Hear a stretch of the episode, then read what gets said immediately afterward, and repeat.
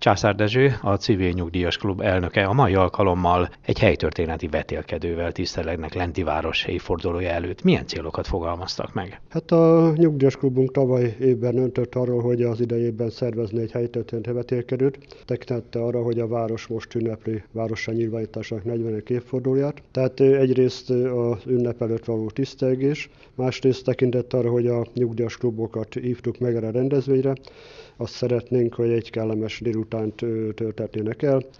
Természetesen ugye feladatok megoldására is sor kerül, de úgy terveztük, hogy inkább egy ilyen játékos jellegű lenne, inkább a részvétel a fontos, hát természetesen szerény díjazásba is fognak részesülni a résztvevő csapatok, illetve azt követően pedig lehetőség lesz beszélgetni, itt maradni egy kicsit, és akkor megbeszélni közös dolgainkat. Volt-e valamilyen előzetes feladat, illetve kik fogadták el a meghívást? A vetélkedőre négy nyugdíjas klub jelezte vissza részvételi szándékát. Egyrészt a Városi Idősügyi Tanács, a Szépkorok civil szervezete, a Gyagló Idős Klub, valamint a rendező civil nyugdíjas klub tagjai vesznek részt, öt fős csapatokkal a vetélkedőn. A vetélkedő feladatnak összeállítását a Városi Könyvtár munkatársai, valamint a, a Helyi Értéktár Bizottság végezte el. Egyben ők is alkotják a vetélkedő zsűriét, valamint a vetélkedő levezetése is az ő feladatuk lesz.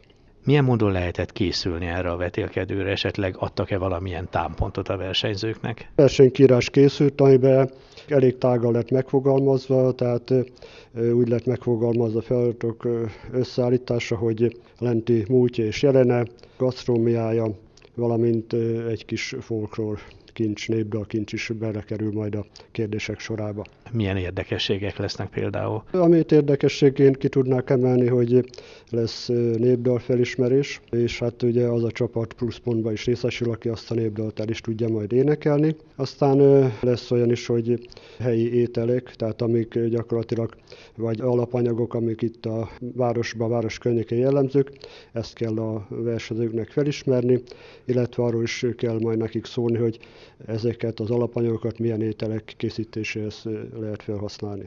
Milyen díjazás lesz? Úgy fogalmaztuk meg hogy a bevezetőben is, hogy a részvétel a fontos, ezért minden csapattag azonos díjazásba fog részesülni. Ez pedig olyan formában lesz, hogy vásároltunk boros poharakat, és ezekre a poharakra Lárer Gavirozva, hogy Lenti város 40 éves és minden csapattag ezt fogja megkapni, illetve a, a csapatok oklevélbe is részesülnek. Az önök klubja már elhíresült arról, hogy sokféle programot szervez a tagságnak. Netán, ha ez a mostani sikeres lesz, esetleg próbálkoznak jövőre is? Mindenképpen azt szeretnénk, hogy a helyi nyugdíjas klubokat sokkal jobban be tudjuk vonni, mert amiről már korábban is beszéltünk, hogy nekünk nagyon jó kapcsolatunk a Csesztegé és a Lovászi klubbal, és azt szeretnénk, hogyha a helyi klubokkal is ezeket a kapcsolatokat hát különböző formákba jobban el tudnánk mélyíteni. Hadd kérjek egy bemutatkozást? Barta Ödönné vagyok, a Szépkorú szervezetének az elnöke, meg a csapatunk. A tagok közül van a Tóth Iván Ferencné, Fehér István, Fidle Csándorné, meg Szigeti Tiborné lesz majd, aki jön közénk, ő lesz az ötödik társunk. És hogyan lehetett készülni erre a mai vetélkedőre? Nehézen, mert ugye azért sok a feladat.